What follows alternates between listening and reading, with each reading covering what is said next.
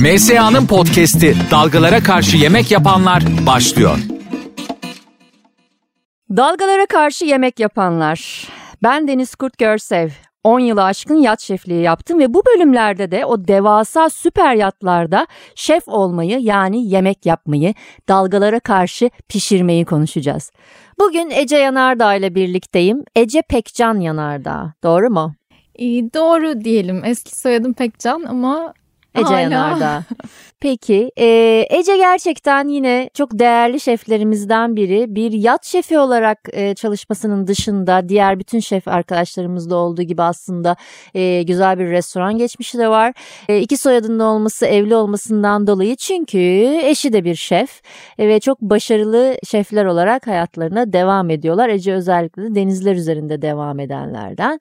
Önemli olan kısmı e, biraz da diğer arkadaşlardan farklı olarak Ece hep yabancı müşterilerle çalıştı ve hep yurt dışı sektöründe çalıştı. Bize birazcık öncesini anlatır mısın Ece?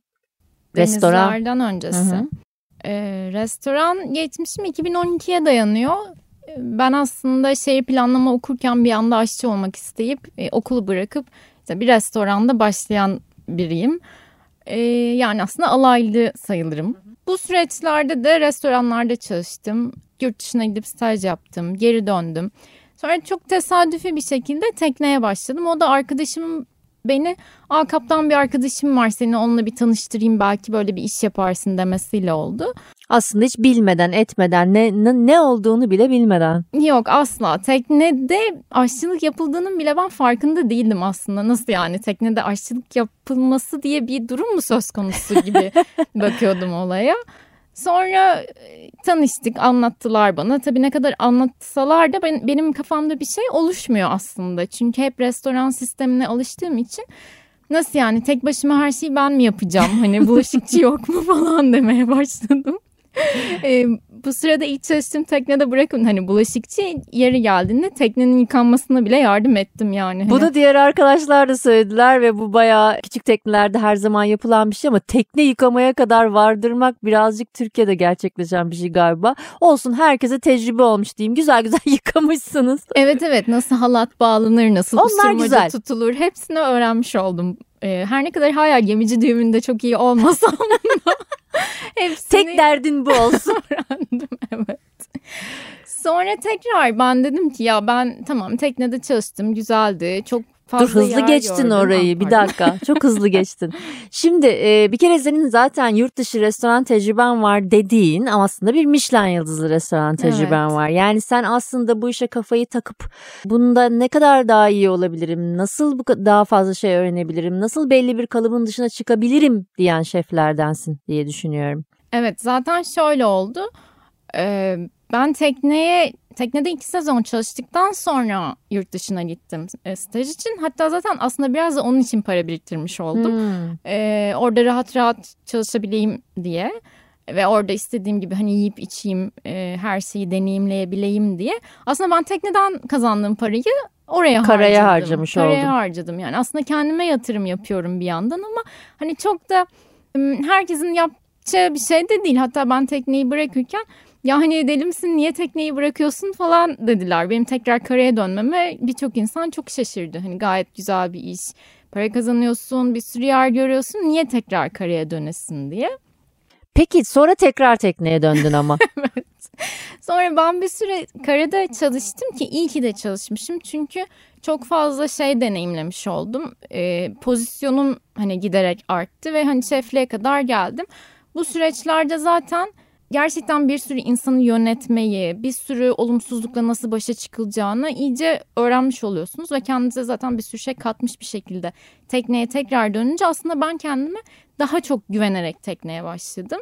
Tabii ilk baştaki sudan çıkmış balık durumun değişti çünkü bu gerçekten de önemli birçok şu anda mesela bizim yine eğitimimizde Mutfak Sanatları Akademisi ile yaptığımız o eğitimde heveslenip gelen çok arkadaş var. Ve ben gerçekten biraz acımasızca oluyor ama net söylüyorum lütfen restoran tecrübesi yapın. Restoran tecrübesi olmadan eğitime gelebilir okey ama eğitimde anlattığım bile net olarak anlaşılmayacak ki. Çünkü restoran tecrübesi olduktan sonra bütün o bilgiler pekişecek. Bir de yat zaten hep konuşup duruyoruz diğer podcastlerde de konuştuk. Yat gerçekten de işte ekmeğinden tatlısına işte savory yani normal tuzlu yemeklerden işte kokteyl e, yemeklerine kadar her şeyi yaptığın bir şey olduğu için de restoran tecrübesi şart diyebilir miyiz?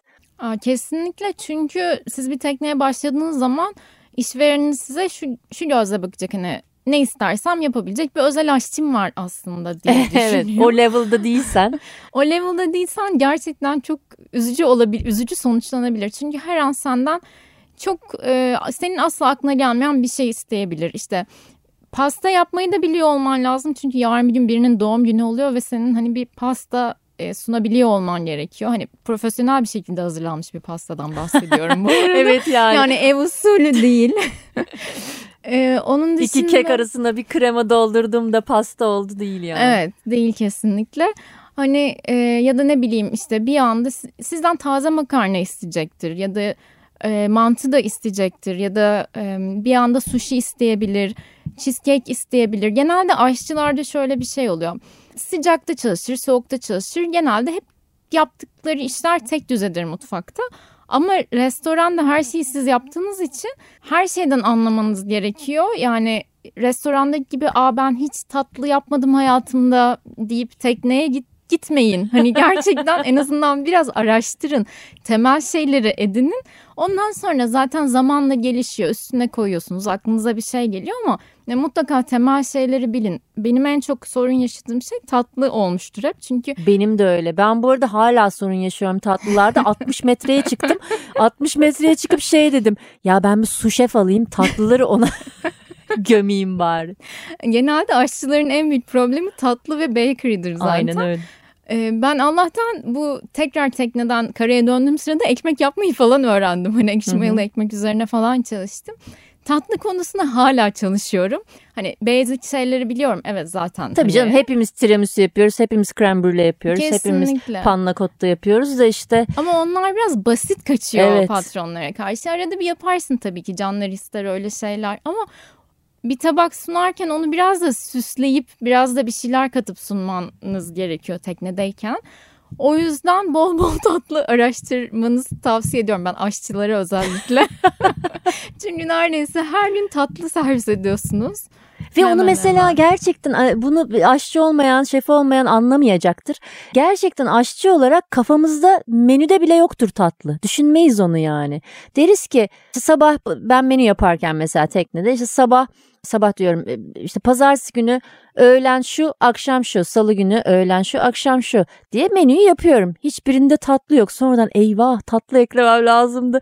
Bir de benim şansıma kendi çalış yani ilk yıllarda özellikle son ilk 4-5 sene e, bütün yat sahipleri tatlı istemeyen yat sahipleri oldu. Ama tekne büyüdükçe dediğin gibi o beklenti yükselince e, e tatlı ne var? Evet kesinlikle benim de bu arada şansım ilk çalıştığım teknede hani tatlı servis ediyordum ama çok fazla değil çünkü Bende de öyleydi. Tatlı yemeği pek seven insanlar zaten değillerdi. O yüzden ben tatlı yapardım bazen. Onlar istemezdi hatta falan. O yüzden ben de biraz şanslı oldum ama sonuçta bu şans böyle gitmiyor. Gitmiyor. Tekne büyüdükçe talepler artıyor. Ve her an her şeye hazırlıklı olmak gerekiyor. Benim şansıma hep patronlarım benim seveceğim tarzda yemekler isteyen insanlar oldu. Bu da önemli bir şey. Hani iyi bir eşleşme de önemli. Çünkü e mesela Ama o senin şansın olmayabilir zaten. Şöyle ki sana bir teklif geliyor sen zaten o işi de kabul ediyorsun. Diğer hani e, o yemekleri sevmeyen kişilerin e, ya da işte neyse e, description'da, tarifinde e, o yatın ve yat sahiplerinin milliyeti, e, genel olarak yaşam stili sana bazı fikirler veriyor aslında farkında olmadan. Aslında evet böyle bir durum var ama ne bileyim ben bunu böyle şans olarak adletmek istedim herhalde. Mesela son çalıştığım işverenimde sakatat yemeği bayağı seven bir insandı ve bu normalde çok olmaz. Evet olmaz. Hakikaten. Ve bana bir anda ise bana dil pişirir misin? İşte uykuluk yapar mısın? İşte kokoreç falan Hiç benlik değilmiş o mesela. bir insandı. Bu aslında tam benlik. Çünkü Öyle ben mi? zaten e, sakatat severim. Ya, hazırlamasını da severim. Ye- yemesini de severim. Sen de ama enteresan bir klasmana giriyorsunuz. İkiniz birbirinizi bulmuşsunuz yat evet, sahibi. Evet o biraz şanslı. Çünkü ben her söylediğinde çok rahatlıkla yapabildiğim için adam da biraz şaşırmıştı. Çünkü daha önce fazla denk gelmemiş sanıyorum böyle bir e, Ben sakatat ders okulda o hafta sınıfa gitmedim. sakatat o hafta okula gitmedim yani. Sakatat öğrenmeyeyim diye. böyle bir durum. Peki İsrailli miydi ilk çalıştığın yat sahipleri? İlk çalıştıklarım Hong Kongluydu. Oo, Üç ilginç. vardı.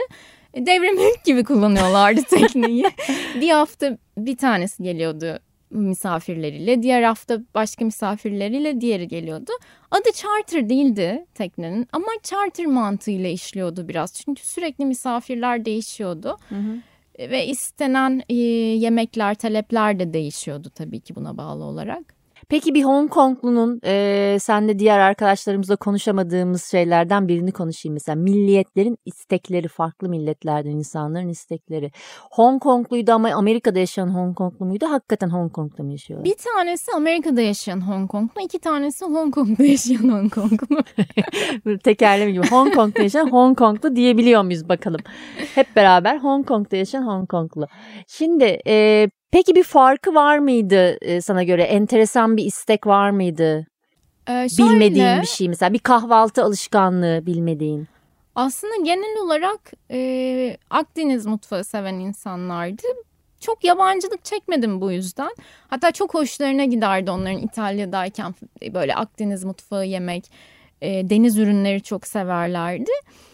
E, çok enteresan gelen şeyleri olmadı ama bazen onlar da şey isterlerdi böyle işte fried rice yesinler hmm. işte e, onların kendi usulünce Asya usulü bir şeyler yemek istediklerinde özellikle bana gelip anlatırlardı hani sen Türksün sen bilmezsin biz Ama böyle güzelmiş bu. gibi. Evet güzeldi hani mesela şey e, ne, ne derler onların yaptığı pilav sadece Hı-hı. suda aslında evet, pişirdiğim bir pilav haşlanan onun ölçüsünü tutturmanın bir parmak hesabı yolu varmış. Parmağını daldırıyorsun pirince. İşte e, parmağının pirinçten pirincin dışında kalan kısmı kadar su ekliyorsun falan gibi bir tri var.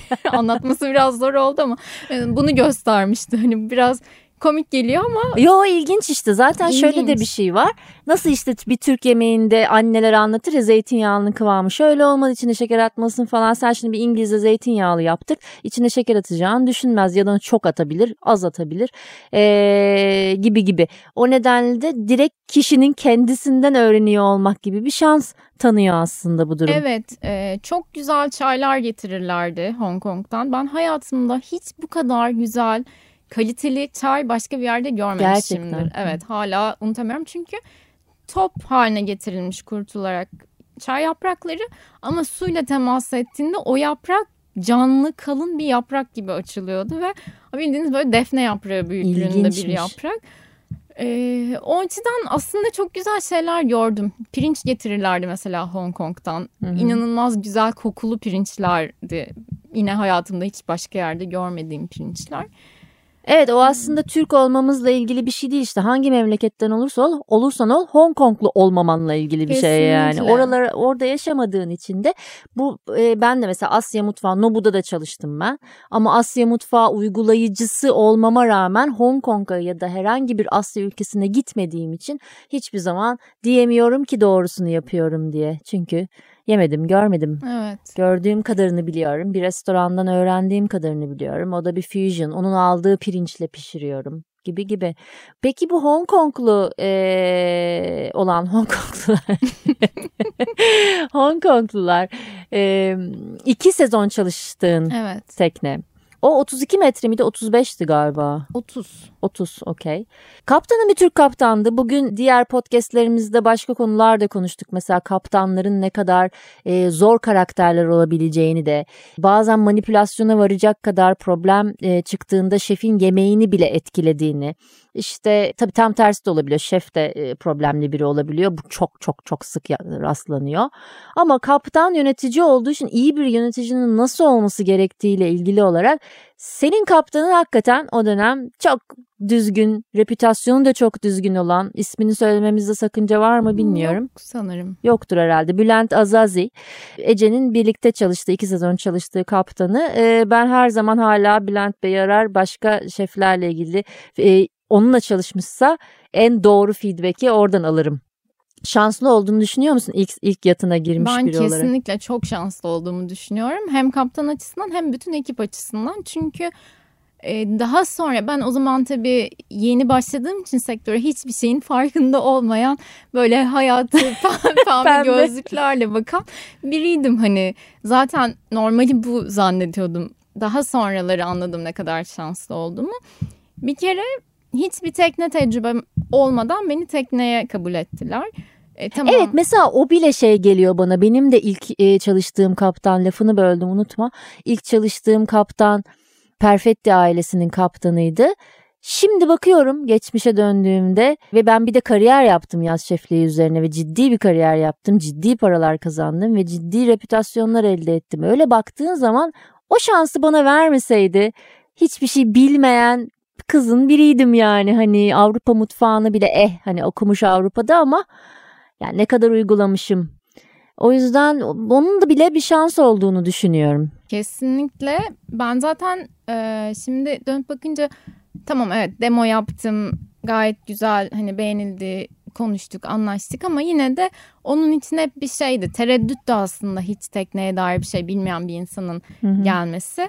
Ki e, benim o zaman o zamanki İngilizcem de şu ankinden çok daha kötüydü açıkçası. benim de öyleydi eskiden. Ve buna rağmen hani ben bunları da konuştum onunla. Buna rağmen bir şekilde hallederize geldi mevzu.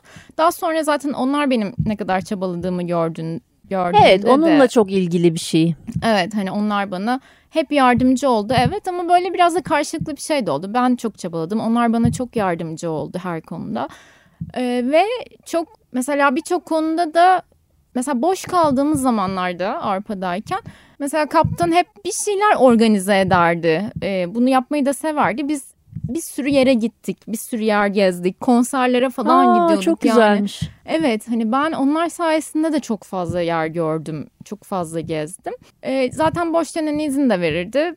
Mesela işte ben... ideal kaptan bu. Genelde de onu konuşuyoruz. Şimdi yurt dışında genelde böyle oluyor ama Türkiye'de bir teknenin içinde tıkılıp kalıyor herkes. Birçok arkadaşımız burada anlatırken hikayeleri oraya buraya gittik ama kafamızı bile uzatamadık dediler. Çünkü işte yanlış izin, izin vermekte doğru uygulayamama gibi sebeplerle zannediyor ki o iş öyle. Hayır o iş öyle değil. O iş şu anda Ece'nin anlattığı gibi gerçekten de gidebileceğin, gezebileceğin, görebileceğin zamanın var. Evet ve zaten ben o sırada iyi ki o kadar gezmişim. Ben sürekli tabii merak ediyorum bir şeyler yemek istiyorum. O kadar çok fark İspanya'da, ya Mallorca'da, İtalya'da, Fransa'da bir sürü şey yedim.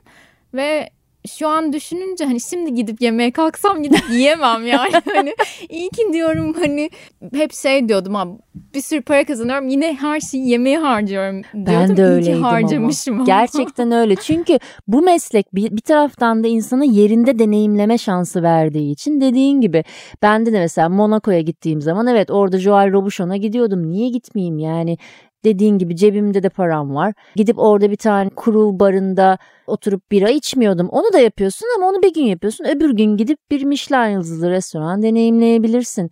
Ee, bir işte Barcelona'ya gidip bir food markette takılabilirsin.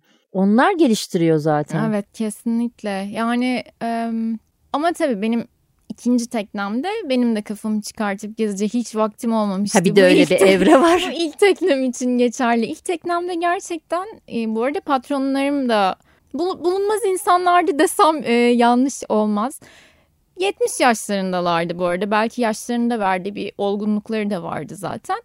Erken yatan, e, hmm. erken kalkan, normal bir hayat yaşayan çok saygılı insanlardı. Yoğun değilmiş. Evet bu arada çok yoğun değildi ve esas patronumuz tekne işinden çok iyi anlayan biriydi. Yani teknecilikten, mühendisliğinden de anlayan biriydi.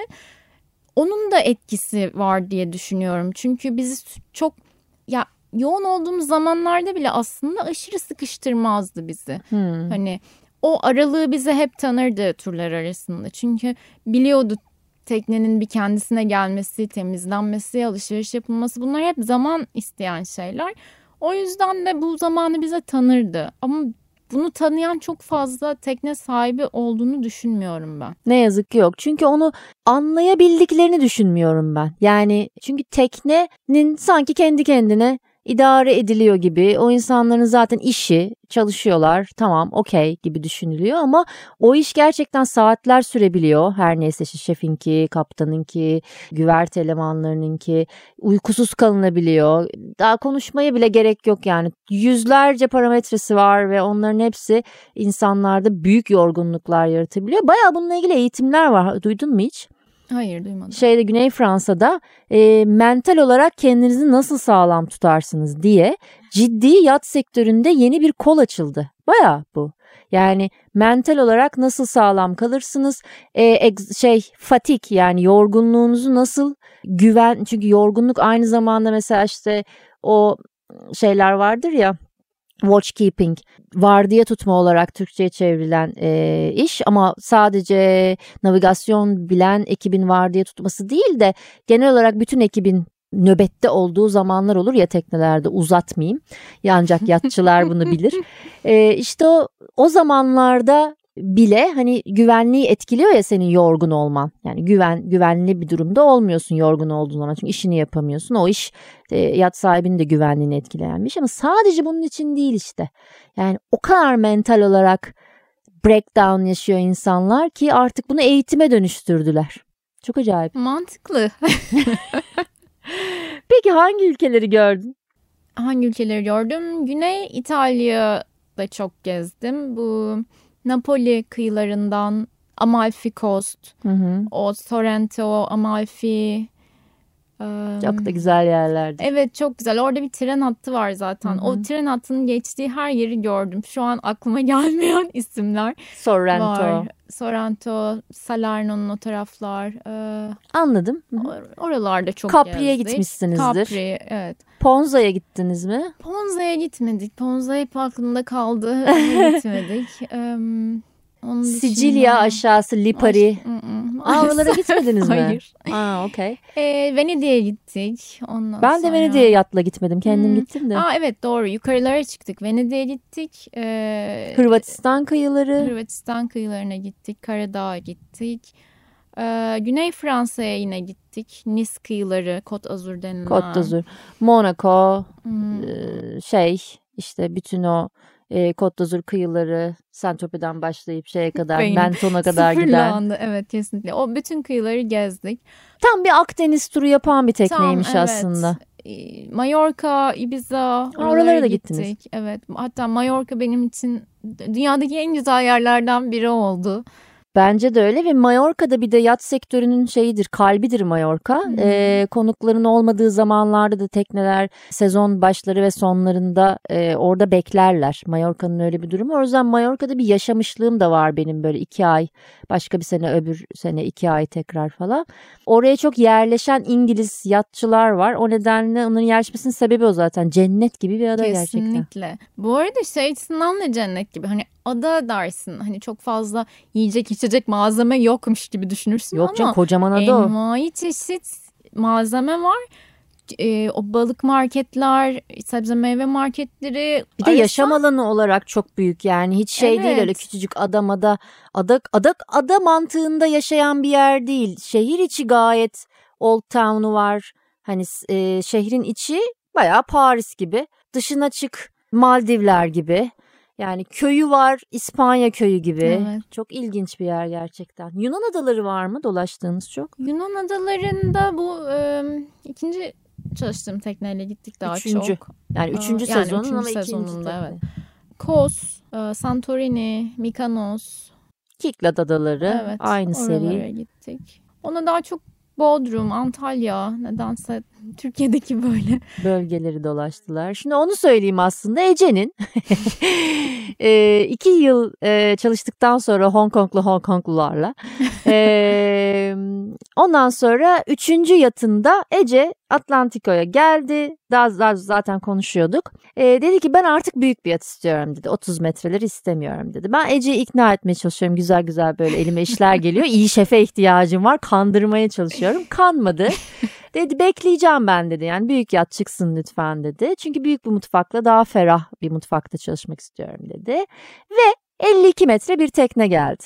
İtalyan kaptan, yabancı yat sahipleri ve işin enteresan tarafı tekne işte e, İtalya'dan kalkacak ama Türkiye'ye gelecek aynı zamanda da. Bir dönemini de Türkiye'de Türk sularında geçirecek. Hah dedim tamam büyük tekneyi de bulduk. Ece'ye teklif ettim.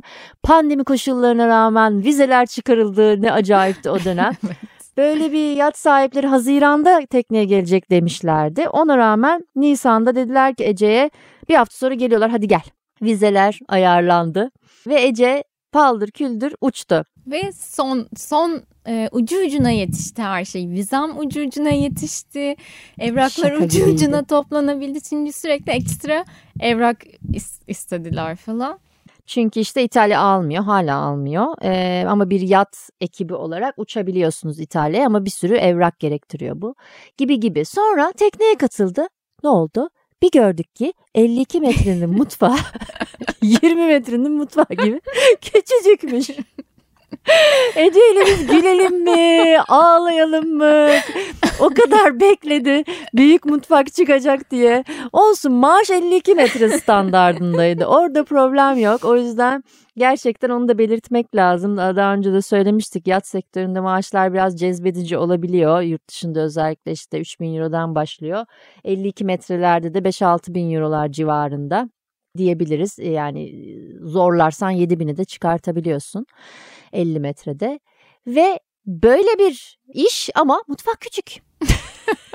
o da benim şansım. Demek ki işte çok fazla bir şey isteyince bazen enerji ters tepebiliyor. Detay vermemişsin yukarıya. Evet detay var. Yatı büyük olsun dedin ama mutfak büyük olsun metrekare verecektin. Vermeyince. O da benim challenge'ım oldu artık. Yani e, 12 misafir 11 personele o küçük mutfaktan her gün 7-24 yemek çıkarmak da benim gerçekten challenge'ım oldu. O challenge'ın bir de başlangıcı var arkadaşlar onu da bir anlatayım. Ece tekneye bir katıldı ve biz zannediyoruz ki tekne bayağı kalkıp yüzerek gelecek her şeyi hazır. Bir tek şefi yok zannediyoruz. Bir tek bir de şef alışveriş yapacak. Aa teknede tava yok tencere yok. Aa, pardon ee, bir, bir bir tava bir tencere var. bir bir tane miydi? Bir, bir tava bir tencere var. Bir tava bir tencere. Şahane. Sonra böyle garip ikimizin de challenge'ıydı o. Çünkü bir yandan bir ajans sahibi olarak e, tavayı tencereyi nereden alacağını söylemek zorunda olmamama rağmen şey yapıyorum böyle Viareggio'da e, kağıt üstünden şey çiziyorum Ece'ye. Bak soldaki sokağa gir orası ana sokak. Oradan sağa dön orada bir tavacı tencereci var diye. Ece tencere almaya gidecek. Ece'ye de diyorlar ki valla işte hava yağmurlu mağmurlu ama taksiyle gitmesen şuradaki bisikletle git. Hayda Ece bisiklete biniyor tava tencere almaya gidiyor. Acaba kaç tava alacağını zannediyorlar yani iki tane daha mı? Bu arada şey kaptan da şey diyor hani gerçekten çok acil olan şeylerini al. Hani çok Ama hepsi acil. diyor yani hani. E, Türkiye'ye varınca alışveriş yaparız diyor. Hani en acilleri al. Ben böyle yani diyorum hani ee... Bir tava bir tencere yani hani bilmiyorum. Bu arada gerçekten şaka değil birazcık hani şef olanlar zaten buna çok güleceklerdir ama e, insan olan anlar yani bir tava bir tencereyle Acaba diyorum, 15 kişiye yemek çıkmaz. En acillik sıralamama neleri alsam? Balık cımbızı mesela çok acil olmayabilir. yani balığı bulsan da dişlerinle e, şeylerini kılçıklarını Bu çıkaracaksın. Bu arada ben Allah'tan içime doğmuş gibi bir takım şeylerimi valizimde kendim getirmiştim zaten. Bu arada bunu da hiçbir şef yapmaz. Delilik yani bu. Ne götürdün? Ekmek sepetleri götürdüm. Şaka böyle yapıyorsun. pasta kalıpları falan götürdüm. Bayağı bir şeyimi götürdüm yani. Komik. Zaten Aldın geri değil mi onları? Çoğu şeyi aldım. Çıkarken Kaç tekneden. ufak tefek şeyi unutmuşum. Artık onu her evet, yerde unutuyorum. Helal olsun. Tekneye helal olsun. Şimdi şöyle oldu ki e, işin esprisi hakikaten de kaptan da çok şeker bir adamdı ama durumu toparlamaya çalışıyordu. Hiç, hiç kimsenin bir suçu yok aslında. Tekne yeni yapılmış. Yeni yapılmış olduğu için içerisinde ekipman almakta hata yapmışlar. Demişler ki şef gelince alır. Çünkü konuklar Haziran'da gelecekti ilk plana göre. Dolayısıyla şefin bu ürünleri alacak 2-2,5 ay e, zamanı olacaktı. 2 ay. Fakat Cece tekneye katılır katılmaz bir hafta sonra bir hafta değil bir ya. Bir hafta bile değil. Dördüncü günde. Dördüncü gününde yat sahibi ve bir arkadaşıyla beraber yola çıkılarak artı 12 kişi, 13 kişilik crew e, ekip yola çıkılarak e, Türkiye'ye gelmeye karar verdikleri için Ece hakikaten bir tava bir tencere belki iki tava daha alabildin mi? Aldım orada bir, bir iki tava aldım. Evet ama çok komik hala çok komik. Evet komik tabii ki yani hani çünkü... Nasıl yaptın? Bu arada yolculuk kaç gün sürdü? Bir Hırvatistan'da durdunuz. Bir hafta sürdü. Durduk çünkü yakıt almak için bir yerde durduk. O da sayılmaz yani. Evet sayılmaz hani. E, bir hafta sürdü. Yani demek istediğim şey yakıt almak için durduğumuz için yolculuk bir de uzadı. Hı hı. Neredeyse yedinci güne yaklaştık yani. Yedi gün boyunca biz yoldayız. Ve konuk var. Konuk var evet ve şey e, Allah'tan hani çünkü şöyle bir strese girmiştim ben. Bütün misafirler gelecekmiş gibi bir strese girmiştim. Evet, Allah'tan neyse öyle ki iki şey kişi. olmadı. Ama fark etmez ki bu arada ya. Yani gerçekten olaydaki dengesizliği anlıyor musunuz yani? Hani iki tava bir tencereden bahsediyoruz ve orada 14 kişi var. İkisi konuk, diğerleri ekip ama 14 kişi var. 14 mü? 15. E yok 14. 14. 14 kişi var ve 14 kişi iki tava iki tencereyle yemek yapılacak. Fırın var. Koskoca şey endüstriyel fırın evet, var. Evet fırın çok en iyi yanı fırındı. Evet ama içerisinde tepsi alamıyorsun. İçinde var olan tepsilerle ancak kullanabilirsin. Bir tane ne tepsisi var. Alışveriş yapıyorsun ve o büyüklükte teknenin alışverişi gerçekten kuvvetli bir alışveriş olması lazım. 7 gün bir de hiç karaya varmayacaksan o kuvvetli alışverişi koyacağın sepet yok ya. Kesinlikle ben şimdi düşünüyorum da yani. Nasıl yapmışım? Nasıl yaptım? Gerçekten o an ilahi bir güç geliyor size ve inanılmaz çözümler üretiyorsunuz. Gerçekten böyle şey çok çirkin bir görüntüydü tabii. Ben işte meyve sebzeleri yerleştiriyorum ama poşetlerle dolapta duruyor yani. Çünkü hani, koyacak yeri koyacak şeyi yok. Plastik. Yok. Bir şeyler hazırlayıp hani mizan plasına koyarsın ya güzel güzel kapları. Öyle bir durum yok zaten. Ben böyle abuk sabuk tabaklara falan koyuyorum işte. Ay şaka değil mi? Bir de öyle şeyler var. Tabağa evet, koyuyorsun. Çok, Koyacak bir şey yok. Çok kötüydü o kısım gerçekten. Tabii ben de bu süreçte aslında bir yandan patronla yolculuk yapmak iyi oldu. Çünkü ben bu süreçte bir şekilde bizim aramız çok iyi oldu ve e, sürekli ben... bizi kurtaran Ece durumunda olduğun için herhalde bir şey ol içinden bir teşekkür etmiştir diye o var bir de ben her seferinde e, ya kusura bakmayın işte mutfak biraz dağınık görünüyor çünkü hiç ekipmanım yok falan şeklinde olduğum için en sonunda Ece ne istiyorsa alına döndü çünkü bir yerden sonra mevzu. Ama doğrusu o zaten. Gerçekten de Ece ne istiyor? Yani şef ne istiyorsa alınması gerekiyor. Birçok teknede mesela ekipmanla ilgili bile konuşmak zorunda kalabiliyoruz yaz sahipleri. Çok garibime gidiyor bu benim. Çünkü yahu o ekipman olursa o şeften iyi performans alabilirsin. Bana diyorsun ki çok iyi şef bul bana buluyorum. Yani sana Macintosh buluyorum. Ama sen onu daktilo olarak kullanmaya çalışıyorsun. Çünkü ekipman satın almakta imtina ediyorsun. Yani o bana çok garip gelen bir şey. Yanlış mıyım? kesinlikle. Yani o bir hafta boyunca hani bir yandan mesela ekmek yoğuruyorum falan hani hep böyle güç isteyen şeyler. Hani gerçekten iyi bir efor sarf ettim ve işin enteresan tarafı Türkiye'ye vardık. Vardığımızın sabahı bize kahvaltıya geldi misafirlerin Sabahı. Peynir yok. Ah. Daha alışverişe gidecek zaman yok. Evet, kesinlikle böyle İnanılmaz. bir durum vardı. Ama hallettin ama 52 metre deyince de. Bir şekilde halloluyor evet. bir şekilde halloluyor da çok doğru kelime. Bazen şey oluyor mesela alışveriş küçücük yerdir dersin ki Alırsın alırsın alırsın poşetlerce koyarsın oraya. Ondan sonra bunlar herkes bakar sen de bir bakarsın. Bunlar buraya nasıl sığacak diye. Bir şekilde sığdırıyorsun gerçekten de. Kesinlikle. Ben ne zaman alışveriş yapsam tekneye dönsem herkes böyle wow bu kadar alışveriş mi yaptın? Bunları nereye koyacağız falan. Ben ee, hadi arkadaşlar. Doğrusu. Aynen öyle. O, zaten mesela tam tersi şey de olmuştu. Bir teknede şimdi şef dediğin o alışverişin miktarını biliyor olması gerekir. Zaten yat şefliği de böyle bir şey. Yani sen otomatikman bir süre sonra ona alışır hale geliyorsun. Ben 6 kere okyanus geçtim. Artık okyanus geç dedikleri zaman bana artık yapmıyorum ama yap denildiğinde dolaba şöyle bir bakıp sonra da markete gidip böyle tam hani tapi fit oraya yer koy, koyacak kadar alışveriş yapabiliyorum. Yine böyle bir okyanus geçişinde alışveriş yapmıştım. Kaptan geldi böyle bir bakıyor poşetlere uzaktan şey diyor yani. Ben dedim hayırdır tonuyla baktım. İngilizce'de hayırdır diye bir kelime yok ama şöyle bir baktım hani ne oldu diye şey dedi yani bana çok az gözüktü gözüme dedi tam tersini söylüyor yani dedim yo tam bunlar dedim bir önceki şef o kadar alışveriş yapıyormuş hmm. ki güverteye kadar dedi şey oluyordu. Sen emin misin dedi bunların bize 20 gün yeteceğine bayağı da okyanus geçeceğiz. Tabii ki dedim. Hakikaten de elbette ki yetti. Kimse okyanusun ortasında aç kalmadı yani. Bu hikaye öyle bitmiyor. öyle olsa anlatmazdım. ama e, gerçekten de onlar önemli şeyler, önemli dengeler ama onlar ancak tecrübeyle gerçekleşebiliyor diye düşünüyorum. Evet kesinlikle. Ben de çünkü başla eskiden ben hep öyleyim. Böyle ucu ucuna yetecek kadar her şeyi alan. Yani şey 10 10 misafir varsa 11. porsiyon yok bende.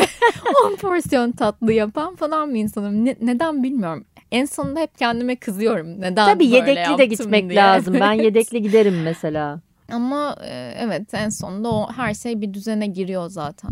Peki bir kadın olarak cesaretlerden konuşmak gerekirse mesela birçok genç Türkiye'de şey yaşıyor ya. Ya yapamam ki ben. Bu ülkeden ben gidemem ki. Vizem çıkmaz ki. İşte e, hareket edemem zaten. Ay çok yoğun bir iş onu halledemem ki. Beni oraya almazlar ki. Sen neresindesin bunun? Yani çünkü bunu zaten geçmiş olduğun için bilerek bilinçli ya da bilinçsiz geçmiş olduğun için artık geriye dönüp söyleyebilirsin. Yani böyle mi düşünmeliler? Ya maalesef şöyle bir durum görüyorum ben.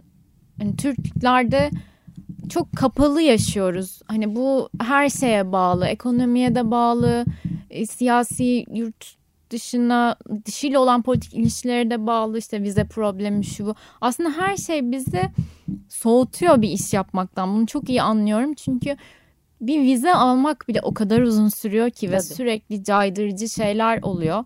Ve bu yüzden eh almıyorum vizeyi gitmiyorum deme durumunu da çok iyi anlıyorum. Çünkü ben bizzat zaten çok yaşadım bunları. Ama ben hep şey yaptım ya bir şeye karar veriyorsam ne olursa olsun bunu yapacağım mantığıyla hep yaptım. Hani ne kadar caydırıcı sebep gelse de önüme. Çünkü onu yapmak istiyorum ve bu tarz sebepler yüzünden denememiş olmak istemiyorum. Yani çok doğru.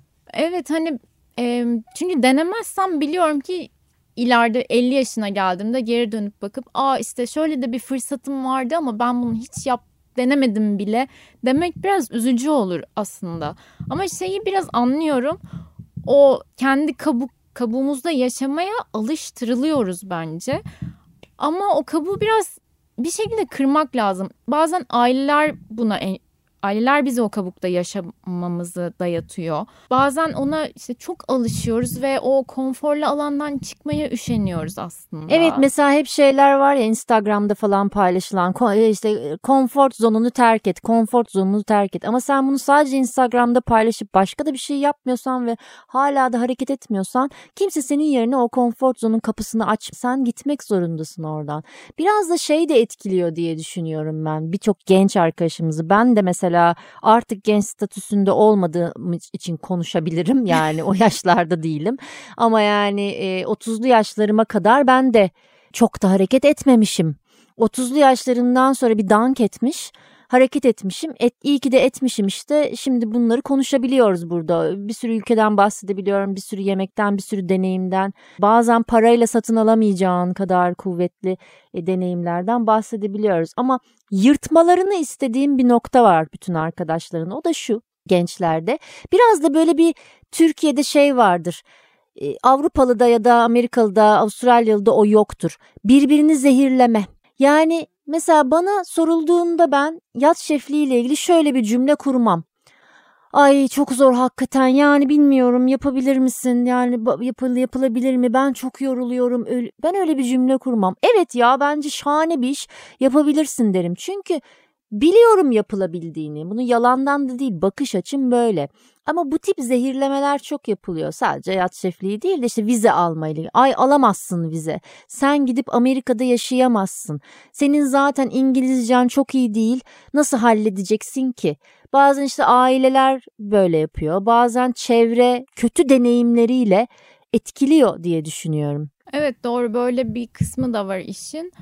Zaten birbirimizden etkilenmeye çok açığız aslında. Hemen işte ya evet zaten çok özgüvenli değiliz bence Heh, Türk insanı aynen olarak. öyle onunla ilgili bir şey. Çünkü küçüklükten beri böyle bir gerçekten öz, o özgüvenle o Avrupalı'nın yetiştirildiği özgüvenle biz yetişmiyoruz. Evet bunu kabul etmek lazım. Bunu da değiştirmek ancak bir sonraki nesile bir sonraki neslin Kesinlikle. ana babalarına. Ben bunu artık iyice iyice idrak ettim. Evet. Ee, çünkü şeyi de görüyorum. Ee, mesela atıyorum işte Danimarka'dayken ben e, yanında kaldığım kadın anaokulu öğretmeniydi ve çocuklara nasıl eğitim verdiklerini anlatırdı bana. Gerçekten bizim sistemlerimizden o kadar farklı ki aslında Avrupa'daki mevzu şu gerçekten insanları özgüvenli bir şekilde yetiştiriyorlar. Yanlış yaptıkları zaman kimse onlara aa yanlış yaptın diye gülmüyor ya da işte yanlış yaptıkları için kendilerini kötü hissetmelerine sebep olmuyor. Tam tersine e, o yanlışı neden yaptıklarını bulmalarını sağlayan bir düzenin içinde büyüyorlar. Dediğin gibi o durumu ben de kabul ettim. Hani hepimiz kabul edelim biz öyle yetişmedik ama bunu değiştirebilmenin yoluna bakmak lazım. Evet. Madem farkına varıyorsun ki bu biraz hakikaten sürüyor 30'lara kadar vere varamayabiliyorsun farkına. Ama e, 30'lara geldiysen ve farkına vardıysan önüne de fırsatlar çıktıysa bunları artık tepmemek gerekiyor yapamam edemem diye diye düşünüyorum. Çünkü işte aynı şekilde üniversitelerde de bazen gidip konuştuğum oluyor benim. Anlattırıyorlar bana işte yat şefliğine gittiğim, gördüğüm ülkeleri. Buna bir başarı hikayesi diyen var. Benim için bana göre başarı mıdır değil midir bilmem ama bir hikaye olduğu kesin. Neden? Çünkü işte yırtma noktası. Yani o yırtma noktalarını ben bilinçli ya da bilinçsiz bir şekilde uğraşmışım. Bana da dediler İngilizcen çok iyi değil. Ama ben İngilizcemi zaten kafa göz yara yara konuşa konuşa düzelttim. Şu anda İngilizce üzerine kurulu bir business yapıyorum bütün uluslararası dünyada. Yani bana dediler ki Aa, sen Türksün oralarda seni kabul etmezler. Yo hiç öyle bir ırkçılıkla karşılaşmadım. Hiç öyle bir tavırla da karşılaşmadım yat şefi olarak. Sen karşılaştın mı mesela? Ben de hiç karşılaşmadım ki. Garip. Çok, çok fazla insanla da tanıştım ben bu arada. Hani dediğim gibi ilk çalıştığım teknede daha fazla boşluklarımız olduğu için ben böyle atlardım bisiklete. Sürekli şey te- tedarikçi arardım. İşte Hı-hı. balıkçı gezerdim kasap gezerdim. Onlarla ne bir güzel. şekilde konuşurdum. Ee, ve gerçekten bir, hala Instagram'da tanıştığım böyle Distabya'dan e, takipleştiğim insanlar falan var hani. E, ve şey kim herkes bana çok Pozitif. Arkadaşça pozitif yaklaştı. Hiçbir ırkçılığa maruz kalmadım açıkçası. Kala da bilirdim de bu arada ama bu, bu da sorun Aynen öyle yani işte o aslında. değil. Evet sorun değil. Yani sana bir işte espri yapılıyorsa bununla ilgili gül geç ya aman sen de ona aynı espriyi yap geç yani bu niye senin kariyerini etkilesin.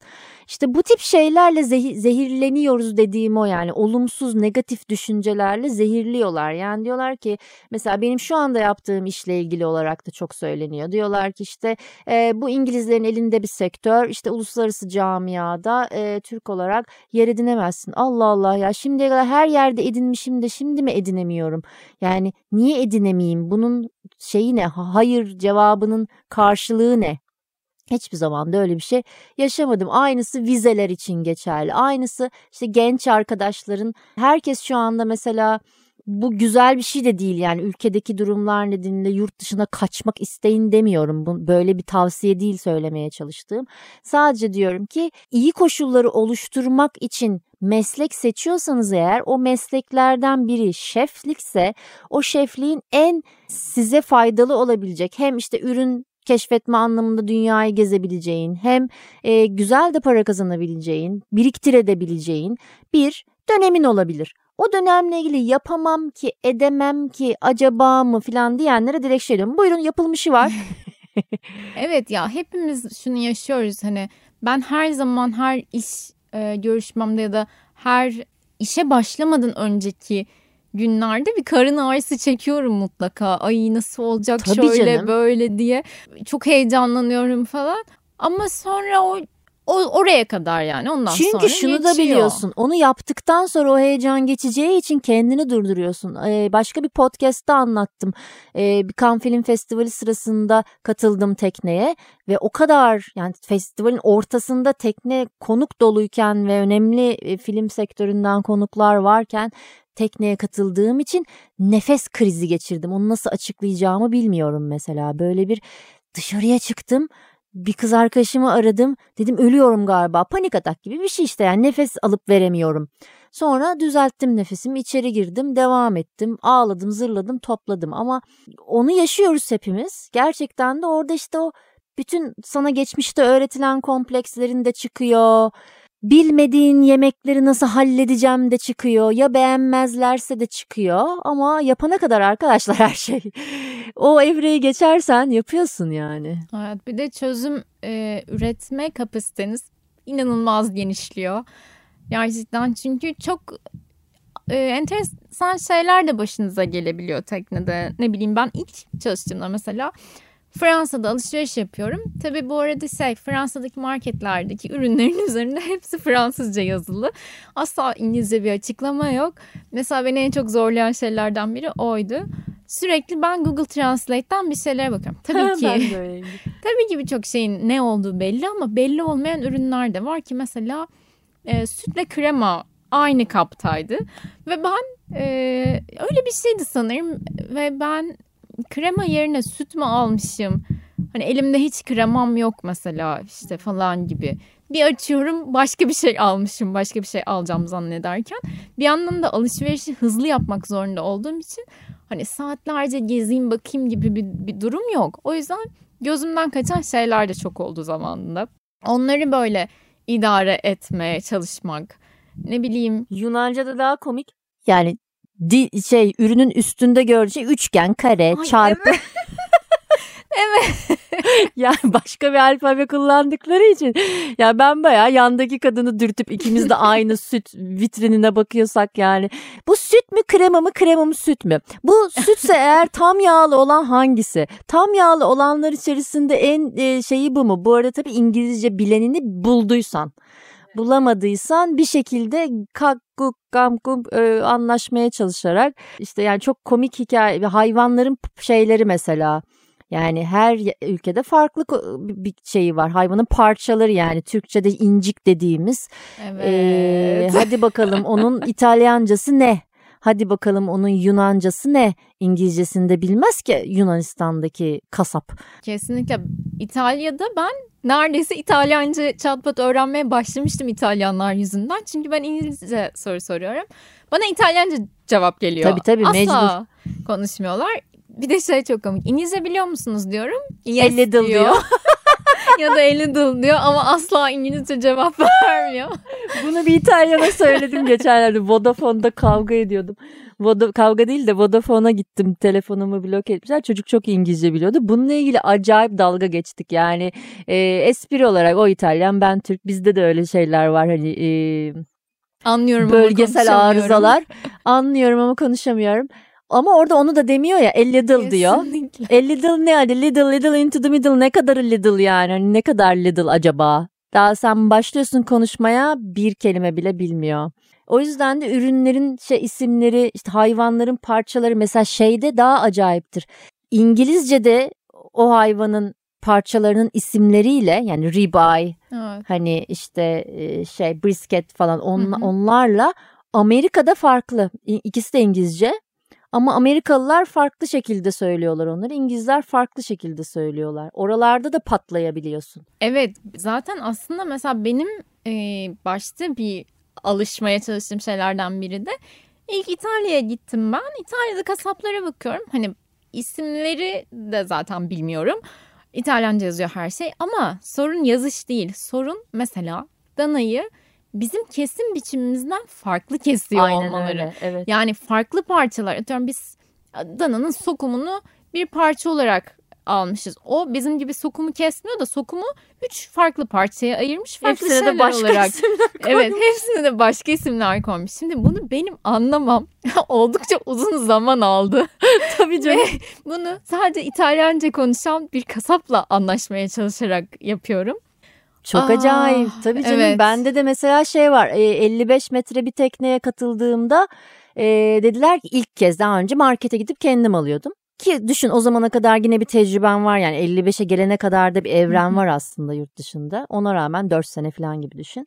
Dediler ki artık yazılı olarak yapacaksın. Provision şirketi, tedarik şirketi kullanacağız. Bir de o parçaları yazmak var Hadi bakalım.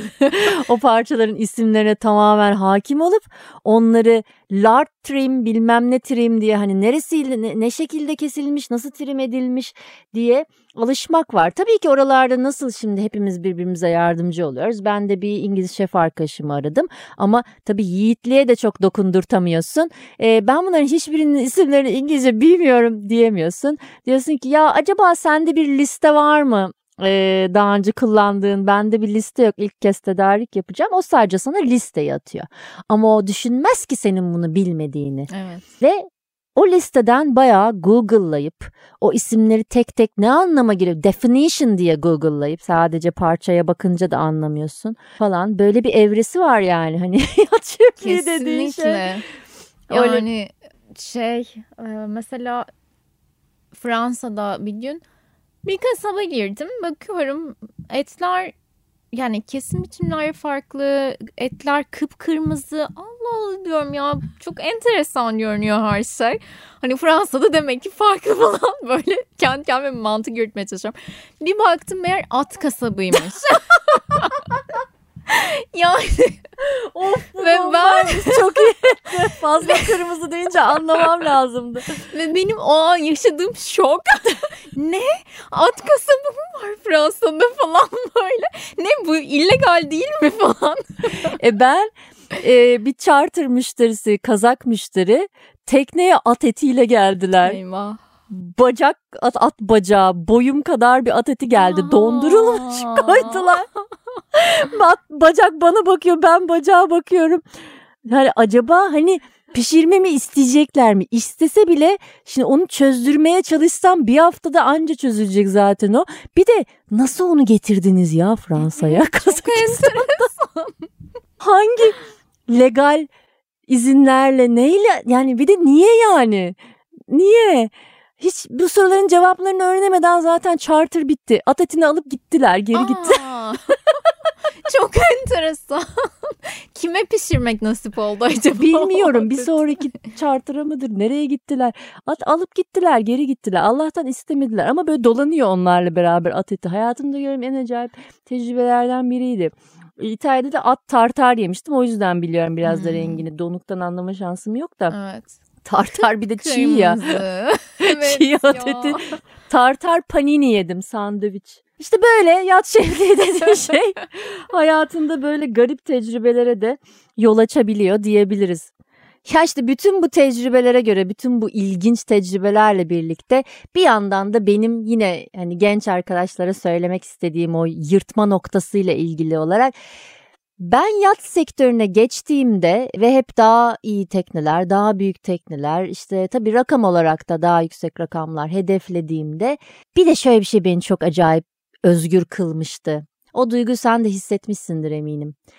Bir ülkeye bağlı değilim, bir ülkeye mecbur değilim çalışma anlamında ve hiçbir zaman işsiz kalma korkusu yaşamayacağım. Evet bu gerçekten em, bu işi yapmayınca çok anlaşılabilir bir duygu değil. Bu işi yapmaya başlayınca bu işin ortalarındayken gerçekten tam olarak böyle hissediyorsunuz. O özgürlük duygusu yani o teknede uyandığınız zaman zaten işte deniz, gün batışı, gün doğuşu ve bir gün İtalya'dasınız, ertesi gün Fransa'da geziyorsunuz. Hani sürekli bunun içinde yaşadığınız zaman şey gibi geliyor aslında. Her şey çok kolay ve çok erişilebilir gibi. Aslında öyle değil. Ama bu işi yaptığınız zaman o hale geliyor. Yani onu o zaman hissediyorsun. Hiçbir zaman işsiz kalmayacağım. Psikolojisi de çok rahatlatıcı bir şey. Ama tabii ki orada bir sürü şeye bağlı. Sen işsiz kalabilirsin. Kötü bir şefsen, dedikoducunun tekiysen, problemli biriysen, kavga çıkarıyorsan, atıyorum işte reputasyonunu doğru toparlayamadıysan tabii ki işsiz kalırsın. Ama iyi çalışan, çalışan biriysen ya ben baya böyle sekt, her sezonda 30 iş teklifi falan gelirdi. Yani resmi 30 değil de hani 30 tanesi dolanırdı. Resmi 5-6 iş teklifinin arasından birini ben seçiyor olurdum. Şimdilerde mesela birçok yat bazen işte maaşlarda bunu söylemek istiyorum biraz ilginç gelecek insanlara. Maaşlarda pazarlık yapmak bile istiyorlar. Diyorlar ki atıyorum işte 5, 5 bin euroysa aa 4 bine insin şef diyorlar. Halbuki şefin öyle bir derdi yok ki zaten 30 tane teklif alıyor. Tam tersi şefi 6 bine çıkarırsan sen o şefi kapabiliyorsun. Yoksa kapamıyorsun. Onu daha anlayamadılar Türkiye'de pek. İyi şef demek gerçekten aranan kişi haline geliyor. Bir sürü işte olumsuz negatif şeflerde olduğu için sektörde o bizlerin daha da aranan insanlar hale gelmemize yol açıyor. E o zaman da diyorsun ki evet ya işsiz kalmam. Sonra bir de o memleketsizlik meselesi işte özgürlük. Çünkü zaten yat İtalya'dan Fransa'ya, Fransa'dan İtalya'ya geçtiği için sen zannediyorsun ki her yerde öyle rahat rahat dolanabilirsin. Amerika'ya gidiyor tamam vizelerin var ama yani her şey senin önüne sağlanıyor evraklar vesaire. Bir rahatlık geliyor üstüne.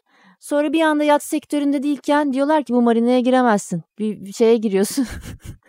bir işte şey vize poli şey bir işte hudut polisi önüne geldiğin zaman e, marinada değil de işte havaalanında sana vize sorduğu zaman sana bir şey sorduğu zaman bir anda hadi vize almaya çalıştığın zaman bir anda diyorsun ki he ne kadar da özgür Gerçek hayat böyleydi. Gerçek hayat böyleydi. Orada hayat çok güzeldi. O zaman çok teşekkür ediyorum Ece ben geldiğin için. Ederim. Her zaman daha güzel hayatlara doğru gidelim inşallah hepimiz. Ve bütün bu yat sektörüne de geçmek isteyen daha doğrusu bununla ilgili düşünceleri olan herkes de biraz bu podcastleri dinleyerek hem işin zorluğunu hem de işin e, eğlencesini hem de absürt yanlarını at at marketi gibi absürt yanlarını öğrenmiş oldular. Herkese çok teşekkürler. Umarım bir sonraki podcast e, serimizde yine görüşmek üzere. Hepiniz denizlere yakın olun. Biz zaten denizlerin üzerinde olacağız. MSA'nın podcast'i Dalgalara Karşı Yemek Yapanlar sona erdi.